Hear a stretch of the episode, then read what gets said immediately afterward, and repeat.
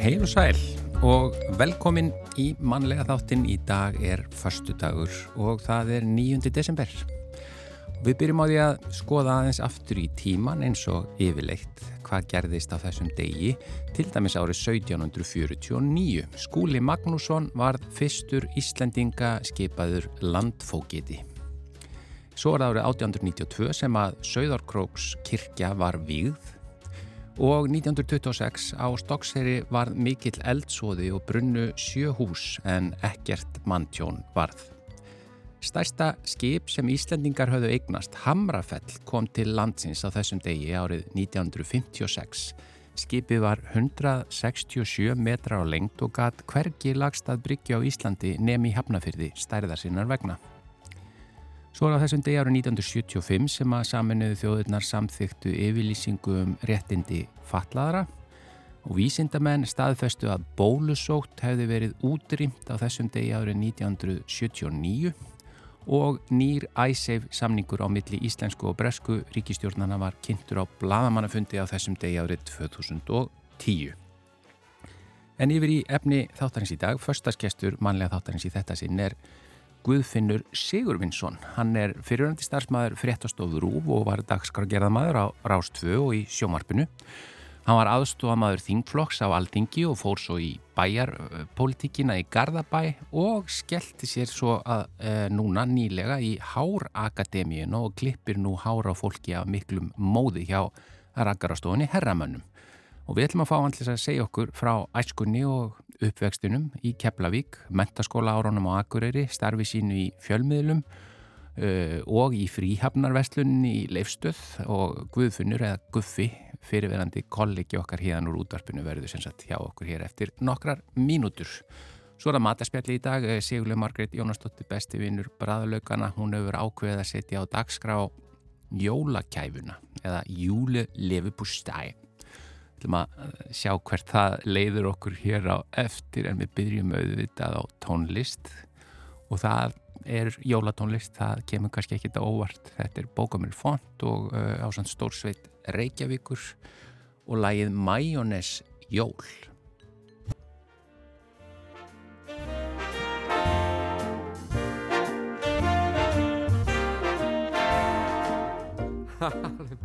merkilegt hvað er þetta að geta mikið á skamum tíma. Sérstaklega í desember. Ég gleyma aldrei hérna jólabóðinu þegar Haldur frændi fekk kjartáfallið og datt með andliti beint honi í mæjónestertuna Það er mæjónes heimur um jólinn þegar mjallkvítur hjúburinn er og landið frís eins og rjóma ís nánast alltaf í desember. Það liggja fann hvítir flókar um jólinn í fangin á fyrunni hér. Og konfektskál innst í minni sá svo dísætur draumurinn er. Já kúlan að framann hún vex og hún vex eftir 26 Súklaði keks, já, belgurinn góði, hann blæs og við út, sest ekki lengur í stúd. Það er krútlegt og kósi um jólinn og gærustu pörinn á svein. Úti í mjöllinni, í skautahöllinni, í vetraklættum majónes heim.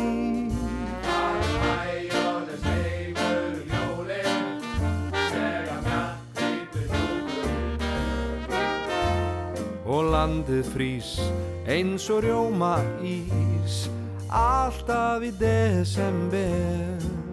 Það er ekki svann hveitir nógar um jólinn í fangin á föðunni og konfektskál innst í minni sál svo dísætur draumurinn er.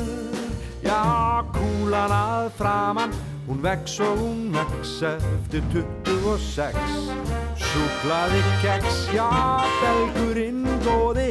Blæs og við út Það sest ekki lengur í lítinn stúd Það er frútt fallegt og kósi um jólinn og kærustu pörinn á sveim út í mjöllinni í skautahöllinni í vedraklættu majónes heim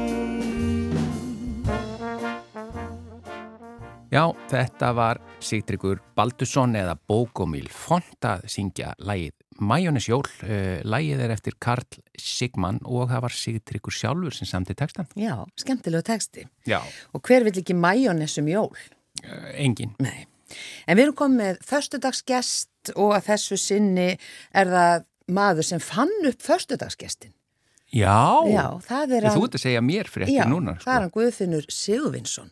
Velkomin til okkar. Takk fyrir. Og hann er náttúrulega... Gamal félagi okkar já, hérðan. Já, úr síðdeis útvarpunu og, og, og hérna, og mér sé áður en við komum þar inn, sko. Já, já. Og var á fréttastofunni og búin að vera mikið í fjölmiðlum. En þú áttur þessa hugmyndi upphafi að hafa förstudagsgest. Já, það er rétt. Og við bara... Ég er fadir förstudagsgest. Já, já, fadir förstudagsgest. Nei, ég, ég manna við, hérna, þá var ég í þættinum eh, í síðdeis útvarpunu á Rástvö með Hallgrimmi Torstensinni og, og eh, Lindu Blöndal og þetta var á þessum hrun árum 2010, 11, 12 og voru svona þung og erfið mál til umfjöllunar nánast okkur um einasta degi. Já.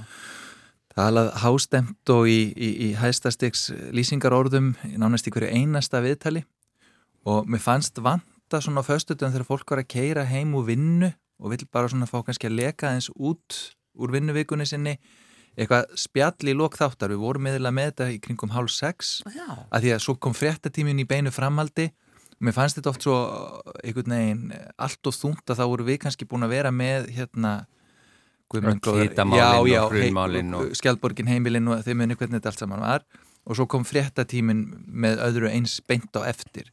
Þannig að, og svo stundu var það líka bara þannig að manni langaði að tala við fólk aðeins að hafa eitthvað sérsta tilefni til þess. Já, þú veist að geta bara spjalla við þig þó þú sért ekki halda tónleika að gefa út plötu guðrún, sko. þú veist, mm. það er bara ef manni langaði að vita bara eitthvað um manneskjuna og þannig í reyninni kemur þetta upphaflega til og myndi ekki mjög vantu um það að þið hérna, haldið lífinu í þessu hérna ára á seitt. Já, ég meina þetta er bara akkurat eins og þú segir, líka bara leta stemninguna já, fyrir helgina já. og var allir svona siglin í helgina og já. þá erum við kannski komið nóga einhverjum svaka fréttum. Já, svo líka er þetta bara oft svona viðtöla því að oft er að maður er að bóka fólk og, og þú veist það eru tónleikar og talar um tónleikana og ert með svona frumlega spurningar og svona eins og hvernig þetta er í huga að gera þessa plöt mm, Hva, hvað fyrstu innblásturinn og allt þetta? Svona skildu spurningar. Mm -hmm. en það er svo oft í svona opnu spjalli sem að það gerast svona spennand og skemmtilegi hlutir og alls konar pælingar að því að viðmælendin kemur ekkit undirbúin Þú veist, eins og ég er komin til ykkar núna, hvað er verið að fara að tala við um? Ég hef ekki hugmyndið um það. Já, bara að fara inn í, í samtal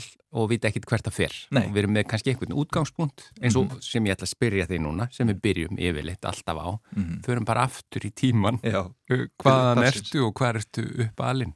Ég, ég er uh, keflingingur og fættur og uppalinn í, í, í Keflavík, fættist á sjúkrahúsinu þar og hérna og bjóð þar svona fyrstu 16 æfi árin mm -hmm. og hérna gott samfélag uh, Suðunisja maður Já, og svona stoltur af því Já. og hérna uh, allir forfeður og formæður unnu í tengslu við sjósókn og, og þess aftar og, og hérna pappi var um tíma með litla útgerð og ég var nýjóra farin að hjálpa til í fristihúsinu mm. það er sennilega bannað núna en Já. þótti þá bara í góðu lagi þá að rýfa hérna saltfisk upp á körum og svona nýjára Já, bara enn, viðstu, ekki fulla minnuta en, en að því maður vildi það og já, fannst já. það svo spennandi krökkunum að fá að taka þátt. Þetta var bara lífið. Já, og, og, og hérna og uh, annar afi minn var útgerða maður, annar var netagerða maður þetta er bara svona, hérna þetta var, þetta byggðist mjög mikið upp í tengslum við þetta og, og það er í rauninni bara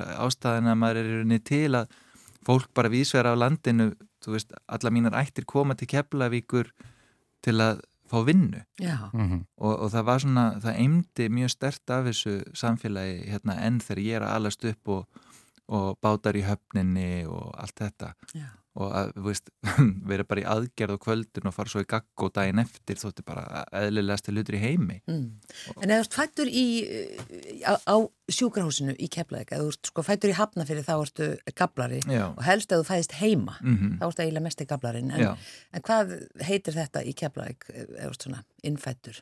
Ætli sé ekki bara keflingur í húð og hár Já, bara Ég svoleiðis. hugsa það Já, bara í sjúkrahúsið er í hérna í þar næsta húsi við, við hérna eh, heimili Rúna Júl Eh, verður það meira Keflavík en það?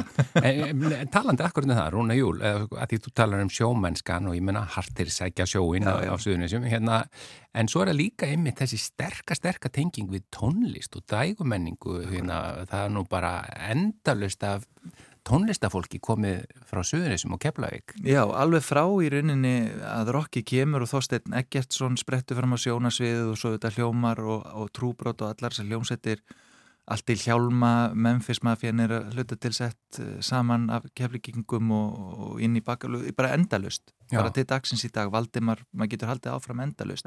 Þa, það var líka mjög stert og tengdist auðvitað kanaútvarpinu þarna uh, back in the day, svo ég sletti um, og, og ég setti saman hljómsveit sem var mjög mislökuð spilaði Wild Thing aftur og aftur og aftur Á hvað hva spilaði þú? ég söng Já.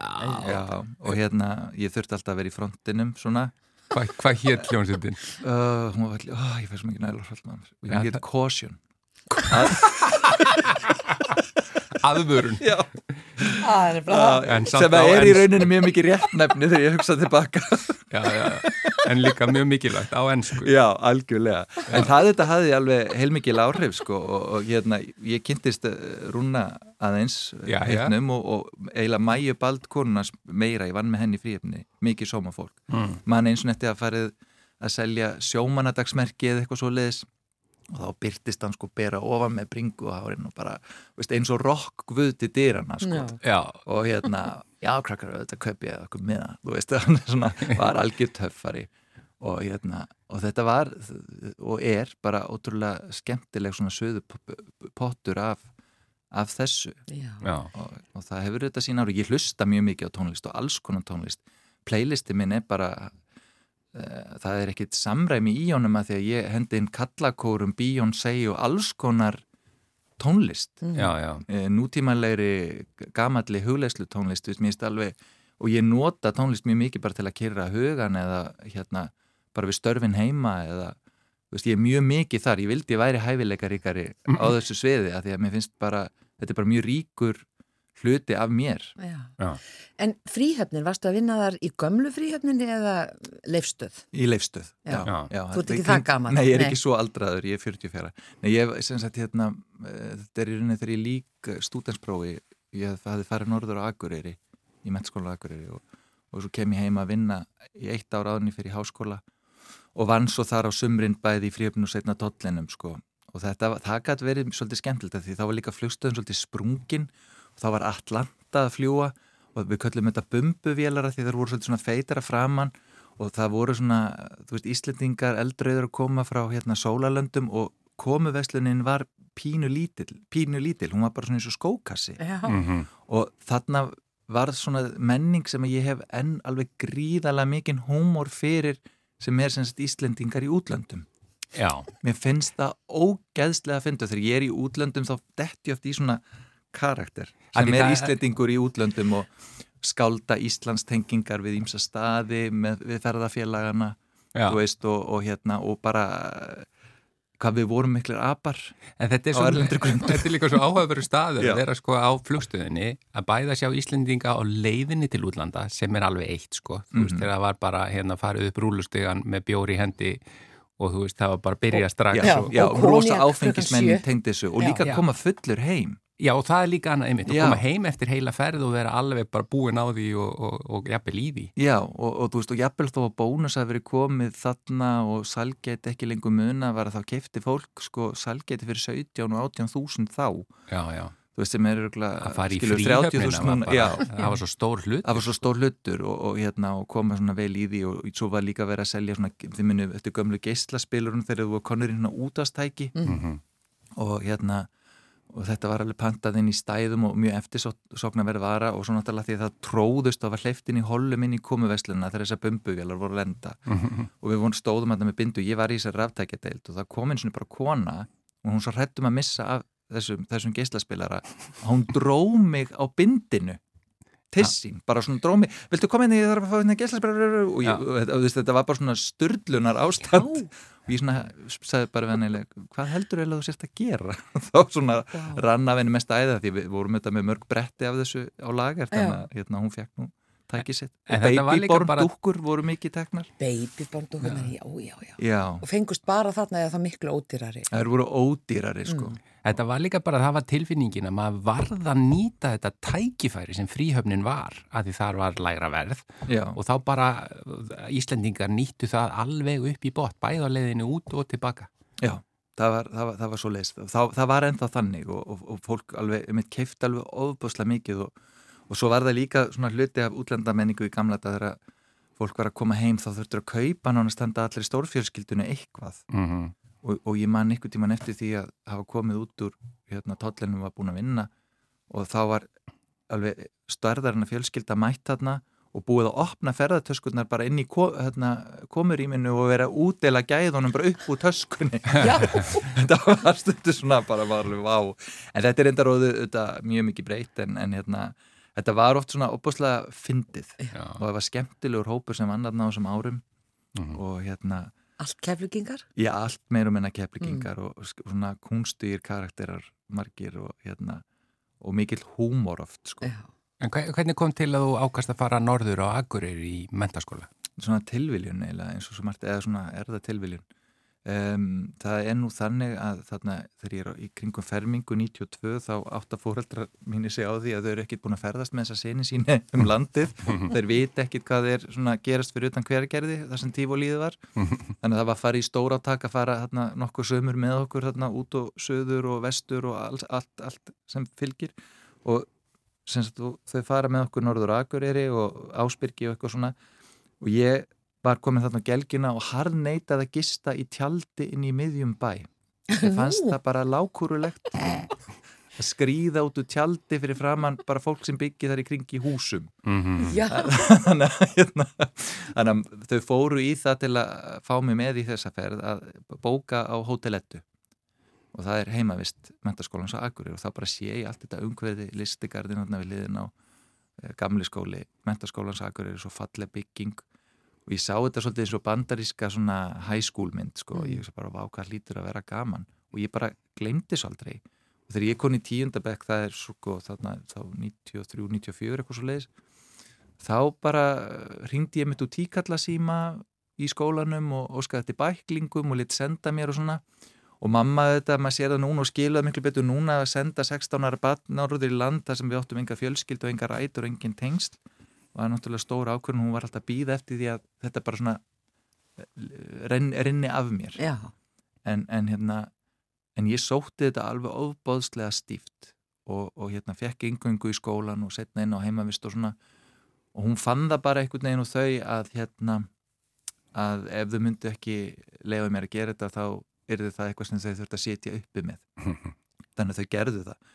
Og mamma hefur oft sagt að það er svona henni fannst hún ræðileg móðir þegar hún kerði út frá Akureyri og, og ég eftir sko, henni fannst þetta bara eins og hún væri að gera eitthvað skelvilega hlut en, en hérna, ég hef nú róað hana með því. Þetta er svona eitt af svona stóru gæfusporum í lífinu vegna sem ég bara á vinum allt land og ég hef svo heilstað að sína landið fyrir viki að því á vini allstaðar við komum þarna allstaðar að landinu tengdum snánum böndum og ég menna og, og þú veist þannig að ég ekkert neginn já, ég hef bara miklu sterkari tengsl við bara Ísland og, og hérna og, og hvað það stendur fyrir og hvernig það er samansett fyrir vikið og pluss það, svo, það var bara svo margt aðna sem að ég grætti á, ég menna Tryggvi Gíslason, skólameistarinn okkar var mikill íslensku maður og, svona, og maður vildi gangi augun á honum með því að tala vandað mál. Það kom sér aldeilis vel þegar ég sótt um hér. Ég hefði sannlega verið svona það hefði verið meira linnmælgi og kannski ekki sami orðaforði ef ég hefði verið áfram heima. Já. ég minn, ég var alls konar bara svona atriði hérna, sem að mér finnst ég hérna, búa ennað þar. Við viljum að taka eitt lag núna, brjóðið þetta aðeins upp eh, lag sem að þú valdir, jólalag. Það snjóar, akkur valdur það? Er það keflingingarnir í... í Jú, Sigur Guðmundsson uh, er, er syngur þetta lag og, og vinnu minn Gumi Páls hérna á, á Rúf og þetta er, þessi plata, hún bara tók mig algjörlega strax eins og Halli Torst saði í gamla dag, þetta er svona instant klassík og hérna þetta er annaða tveimur svona uppáls uh, jólalögum mínum í, í dag. Já, heyrum þá og svo höldum við áfram með förstaskestin Guðfinn Sigurvinsson.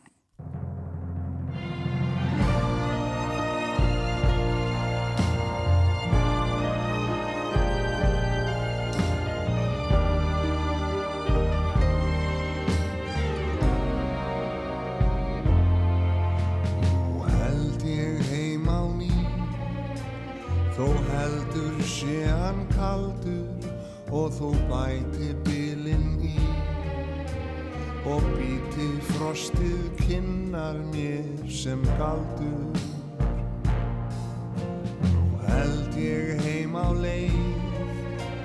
Þó heldur sé hann napur og þó gatan enn sé greið. Þá geng ég hana og lítið dabur því það snjóar í hjarta mér það snjóar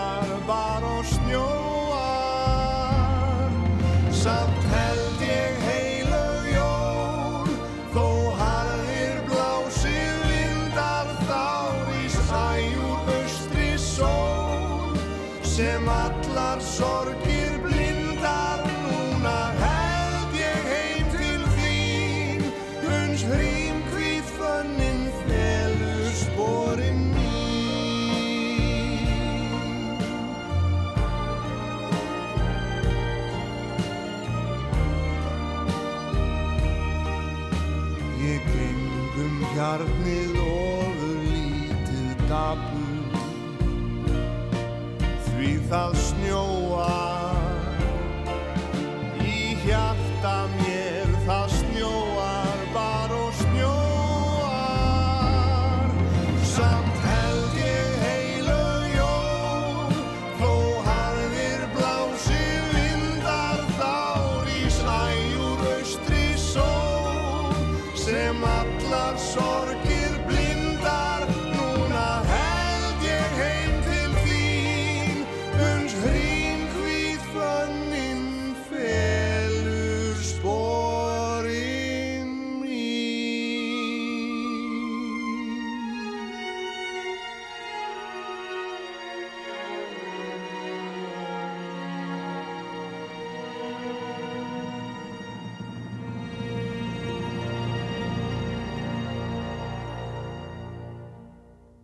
Já, þetta var óskalag förstaskestsins eh, Guðfinns Sigurvinssonar eh, lægið heitir Það snjóar eh, það er Sigurur Haldur Guðmundsson sem söng og textin íslenskir eftir Braga Valdimar Skúlason og eh, Pataccini og Newell sömdu lægið. Já, þeir ágættu félagar Já, eða bræður. eh, mögulega. Já, mögulega. Já. Við erum í fyrstudagsgestin, hann situr ennþá hér og það er hann Guðfinnur Sigurvinsson og uh, við vorum að ræða hans um svona þessa áhrifaríku eða afdrifaríku ákvörðun þína að fara í mentaskóla, í mentaskólanum Akureyri. Mhm. Það sem áttir enga rætur, þekktir engan og móðið þín svona var ekki alveg sátt við að skilja þið eftir en svona var ekkert erfitt að vera án fjölskyldu þarna eða hvernig upplifður það? Um, þetta er nú kannski ákvörðin sem, já, margir hugsa en já, ekki allir foreldrar eru til í að leifa nei, unglingunum sínum. um, þegar maður auðvitað hugsa tilbaka þá eh, sé það kannski núna auðvitað hefði ég þurft að einhver leiti það aðhald sem ég fannst bara ég vera miklu fullorðnari en ég var og, og það hefði svona stundum þurft að hafa svona meiri aga á mér auðvitað skólinn stóð vel að slíkum málum sko, þú veist eins og það var brottrestra sög að þú varst að drekka á heimavistinu og alla skemmtanir þar voru áfengislausar og, og, og, og hérna þú veist með að veða þetta eru þá 300 nefnendur sem að skólinn er í rauninni með forræði yfir þarna Já, að þá var það alveg þannig að það kemur auðvitað ekkit í staðin fyrir, fyrir hérna fóreldrana akkurat í slíkum kringumstæðum og ég sagði þeim ekki alltaf satt í hverju símtali um það sem ég var að gera þarna en, en það er líka hérna samt hlut að því að vera úlingur eða ekki? Jú, jú. en, en, en en, sko, en, en svo líka nei að því að það, það sem gerðist var það að við sem byggum þarna í heimavistinni það urðu bara dýbri uh, bönd á milli okkar heldur en hefbundin vinasambönd. Og þegar maður gengur inn í þessa gömlu vinattu í dag þá er þetta eitthvað svona sískina uh, samband í raun og veru, svona bræðra og sistra lag. Það er eitthvað meira en bara e, það að við höfum verið samferðað í mentaskóla Já, við þurftum að vera til staða fyrir hvort annað í gleðu og sorg, erfileikum, galsa, öllu sem ágekk og, og einn herbyggisfélagi minn e, var frá Vestmannegjum lengi svo leiðuverendar saman hétt Kristinn Ólafsson en núna látin og ég var hitti dóttur hans sem er núna sjálf á mentaskóla aldrei, það var held ég bara útskrifast í vor. Og þá var ég myndið að útskýra þetta fyrir henni sko. Þú veist, hvernig samband þetta er, þetta er öðruvísi heldur en hefbundið skólafélagasamband, þetta bara lifir einhvern veginn með manni. Og hérna, og þetta er eru svo traustbönd og það þroskar mann að þurfa að vera til staðar fyrir jafnaldra sína á einhvern svona já, með meiri nærveru en annars væri, þú veist, þú mm. tekur það, svolítið hlutverki þar sem fjölskyldan þarf að taka og það svona þroskamann og eblir og og bara ítir held ég undir tilfinningagreind næmni Já. og það að setja sér í spóranar manneski og alla þessa þætti mjög snemma Já. þannig að mér, mér finnst það að hafa bara verið ég, ég myndi sakna mikils í lífinu ef ég hefði ekki þessi tengsl mm. Og ég varstu strax þarna ákveðin ég að fara í fjölmiðla eða svona í eitthvað að þeirri sort? Já, ég var svona, sko ég er í ljónsmerkinu og, og kannski fyrst fer maður í, í, í það af raungum fósendum, kannski hegómi og eitthvað að setja sjálf maður sig í, í frontin. Já, ég var svona farin að horfa á það og, og, og mér fannst allt svo flott í sjómarfi og var bara sjómarf leiklist og þess aftar, söngur og alls konar svona, ég var í leikfélaginu og ég var í kórnum og mikil félagsverða, ég var inspektor skóli síðasta árið mitt í Emma og þannig að, þú veist, það svona, svona, já, við fórum svo, svo litið í þá áttu, ég mann þegar við konum í stjórnmálafræðina þá fórum við í vísindaferð upp á stöðu 2 og þar var, varst þú einmitt að stýra þætti Íslandi í dag og, og gamla fréttasetti þar og við tókum mynd af okkur og svona og, og þá fannst mér það að vera bara svona svolítið náttúrulegt umhverfi fyrir mig að vera þar. Þú, þú sérst að fórst í stjórnmálafræði í háskólan Já, já, já. Háskóla Íslands þegar ég kem, kem söður já. og hérna þannig ég var mjög heitlar af því og það er Heimir Jónasson heitin sem er ég með svo í svona ég fór að gera innslög í morgunsjónvarpið. Og svo kem ég hinga á Rúf, byrja sem nætufréttamaður fyrsta sömari, það var líka mjög kunstugt og skemmtilegt, skrítið stundum lesa flug, áætlun og alls konar svona klokka 5 á nóttunni. Og svo er það Elín Hist sem ræði minna fréttastóð sjóhansins og þá svona fyrir þetta alltaf stað. Og mér fannst það svo breytist það, hegóminn fórum að svona og egoið líka það er mjög þjónand að vera í þessu hlutverki sem þið eruð í. Og við erum vinir margra eh, fólks eh, sem kannski þekkir ekki marga. Og, og það er líka bara gaman að taka þátt í að segja sögur fólks sem að koma að gagni hvort sem það er með hljóðið eða mynd eða hvernig, mér finnst mjög gaman oft í sjóhansbyggja að setja saman myndskeið þannig að það kemur eitthvað svona hrifnæmi út úr því nota tónlist og svo leiðis og hérna og mér finnst ég ekkit mér finnst ég aldrei hafa lok, lokað þessum kabla alveg. Eh, mér finnst ekkit ólíklegt að ég taki einhver tíman upp þráðin setna en þá myndi ég vilja gera það svona svolítið verkefnatengt og stökka inn í það út frá því að hugmyndin sé góð og mjög þjónandi. Ég gerði til dæmis heimildamindum viti sér Fimboðdóttur eða semst Fosseta kjör hennar e, 30 árum eftir að það fóð fram og, og, 30, og sín, sí, það var sínt á Kvennafrídægin 35 eh, árum eftir að hann var hérna 75 og, og það var svona mynd sem ég fann að hérna, reyfiði við nýri kynslu og kvenna og mér fannst það ótrúlega magnað og við sjáum Vigdís í dag í rauninni nánast eins og nokkus konar helgimynd, hún stendur fyrir ákveðin gildi og er svona kvartning og innblástur og, og allt það, en þarna það, það hérna, fer maður að skoða gamalt myndefni þar sem hún er e, bara venjuleg kona út í bæ í fósettaframbóði og þú veist, og það er verið að sækja aðinni með hætti sem maður svona bara, ma, manni brá vegna þess að það myndi náttúrulega enginn voga sér að tala við hana þannig í dag.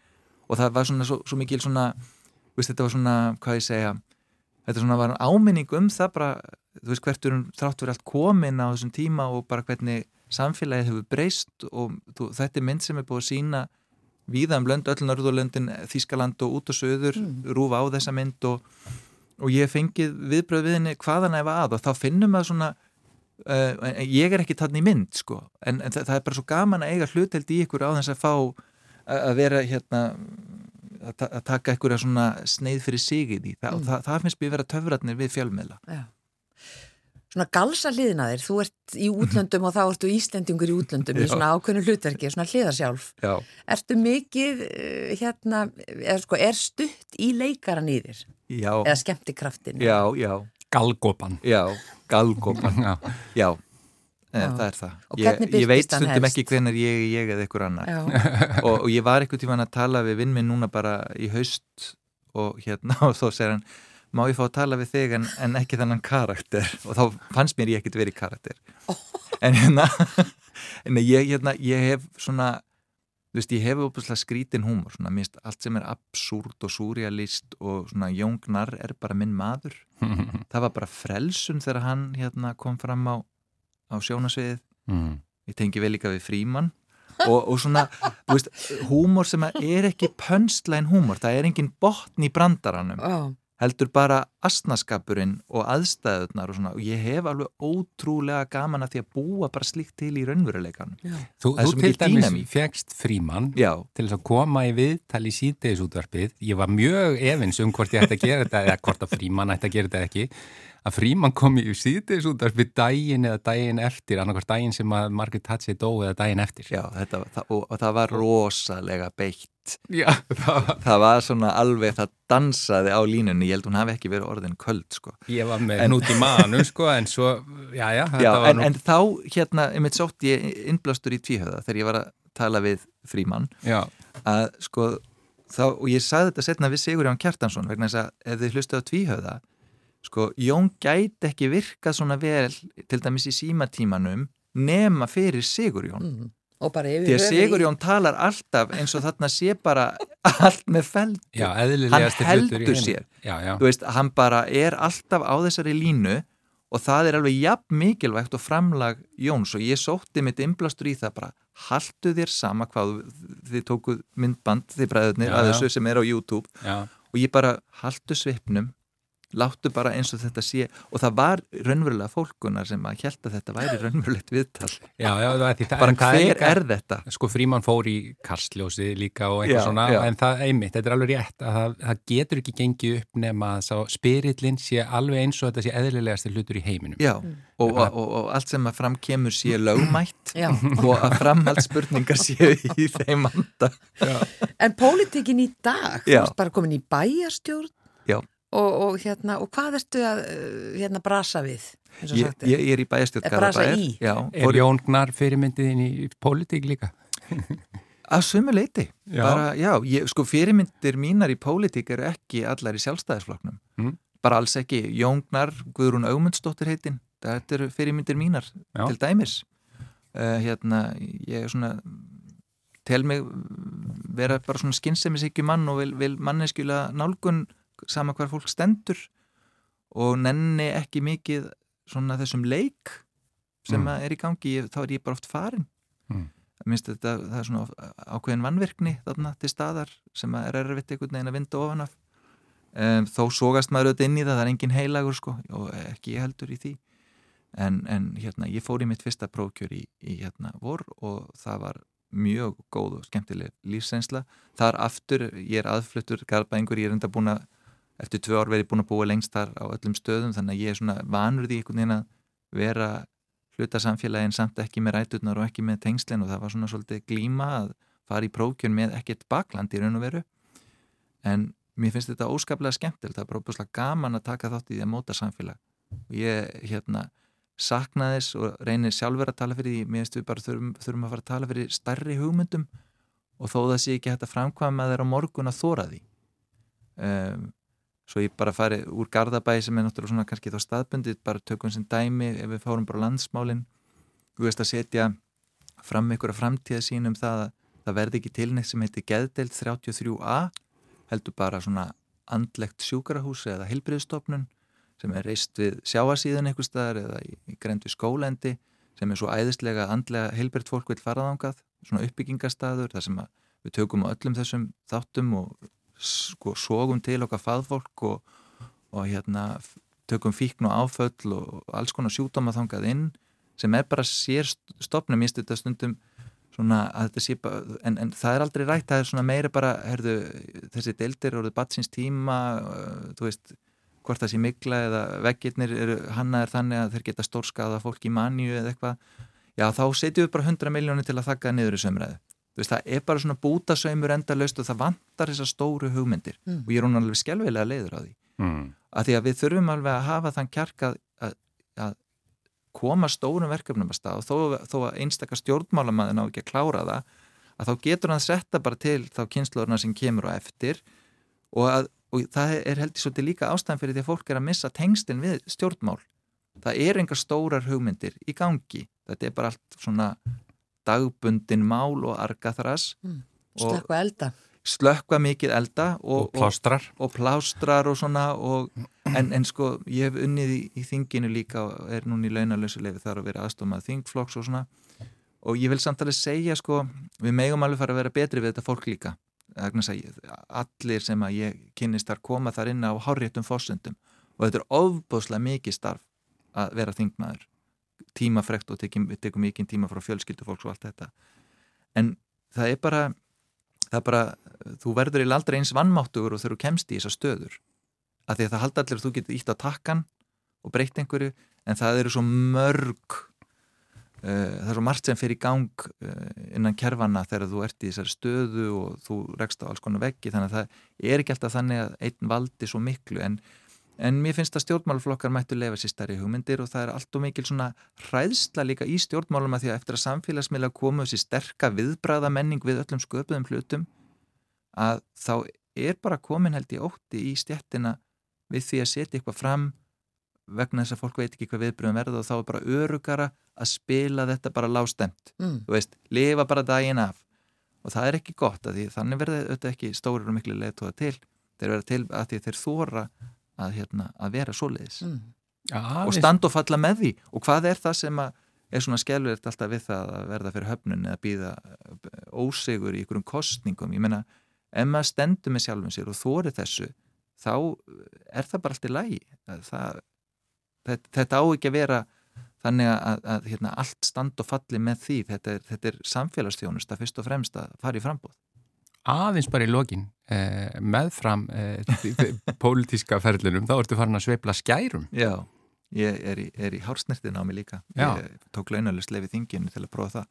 Það kom svona til í hérna, kom svona til bara að ég var að leika mig með vini mínum sem er klippar í sömur og mér fannst það óslægt gaman að þetta gekk eiginlega aðeins og vel, þannig ég bara eiginlega gæti ekki hætti og hérna, og þetta er eiginlega verða eitthvað stórkostlegasta ferðarlega sem ég farið í bara á æfinni og hérna skapandi og skemmtilegt og það sem ég er líka að fá út úr þessu núna, ég er einhvern veginn að endur tengjast fólki að ég er búin að vera svona mikið að ferðinni þegar heyri það Garðabær, Metaskólan Akur, er í Keflavík, ég er út á söður, mann á Rúfan hérna hjá stöðu 2 Vodafone, ég er búin að vinna á stórum vinnustöðum og, og þar leðandi næ ég ekkert alltaf utanum allt með tengslanett en núna er ég komin í tengslu svo ótrúlega marga í gegnum þetta og hitti fólk reglulega úr öllum þessu mengjum.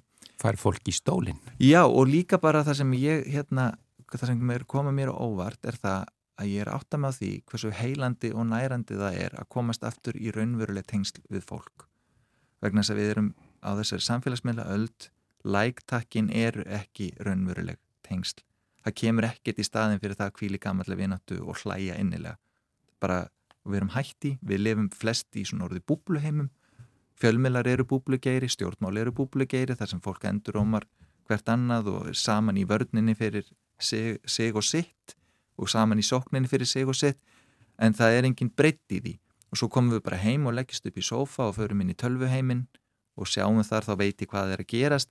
En ég er, er ekki lengur að ringja það er engin að ringja í fólk lengur eða bjóða því heim til sín að því að við erum bara í því að gera hjörtu og læk og hlátu skalla og eitthvað svona. En þetta er ekki, þetta er ekki tengsl, þetta er bara, þetta er bara loft og við þurfum svo mikið á þessu að halda. Þetta er bara súrefni til þess að geta verið manneskja. Guðfinnur Sigurvinsson, takk að kærlega fyrir að koma í búblunu okkar hér og vera förstaskjæstur í mannlega. Vonandi springur hún aldrei. Takk fyrir komuna. Takk.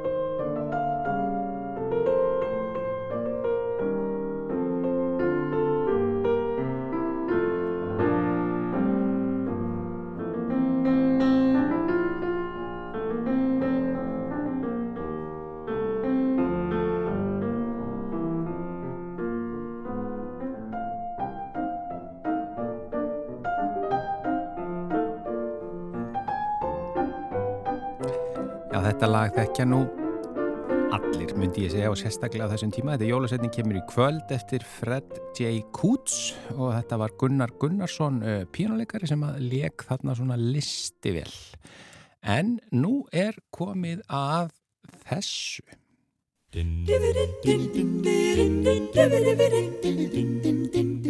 Já,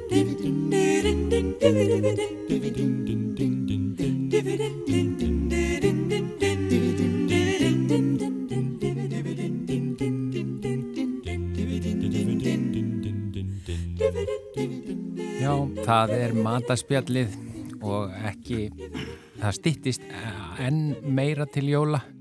Sigurður Margrit, velkomin. Takk fyrir að bjóða mér.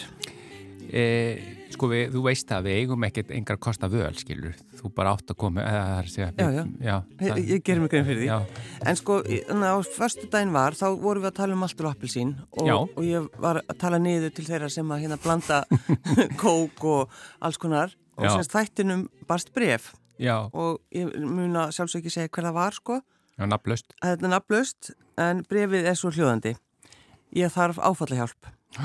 Þið rúflið tali niður okkur sem eruð alin upp við kók, samar við malt og appelsín. Mm. Borga rúf sálfræði tíma fyrir miðaldra homma. Ó, já, ég, myndur halda það í þessu tilfelli? Að það væri, væri niðugreitt eitthvað Nei, slíkt? ég bara, ég hafði samband við komandi búin að róa niður. Já, já, en, En- þetta er nafnlaust.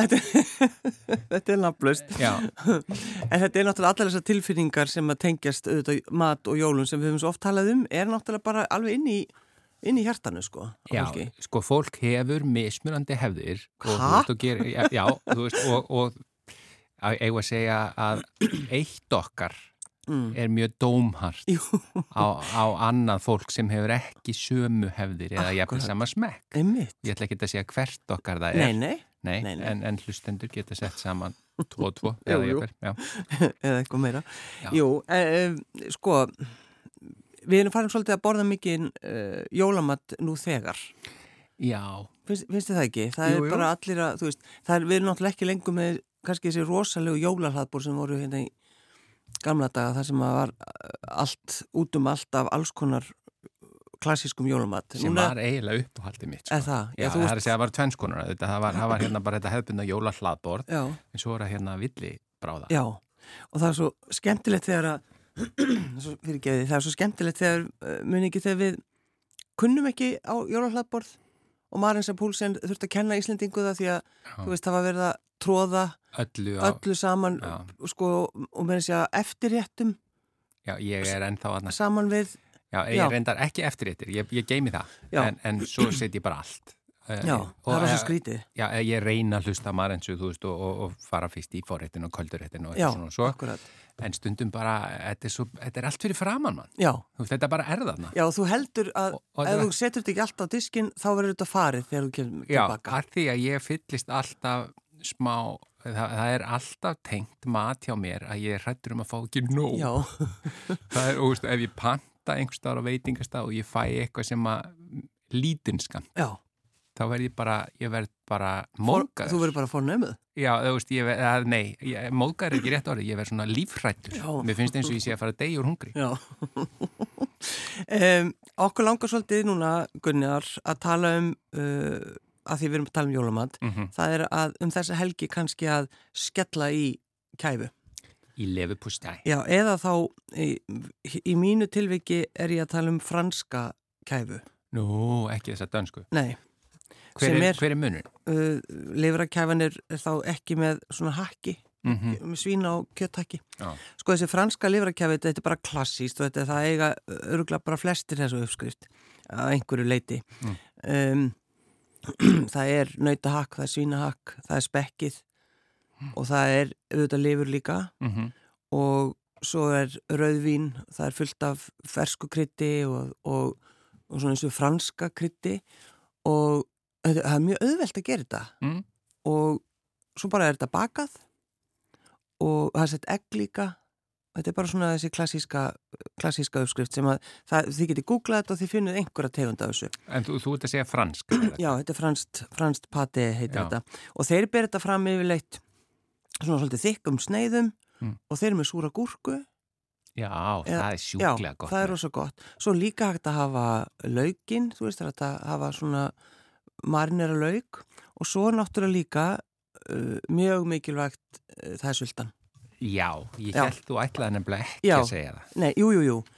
Og ég veit að þú... Hversla sultan? Ég, fyrir mér er blábærasultan bara uh, eitthvað himnaríki sem Mhm. tengist frá franska, þessu franska pæi, eða patti, en það eru mjög margir sem að vilja, hérna, ég veit að, sjél, eins og sjéle, Riffs.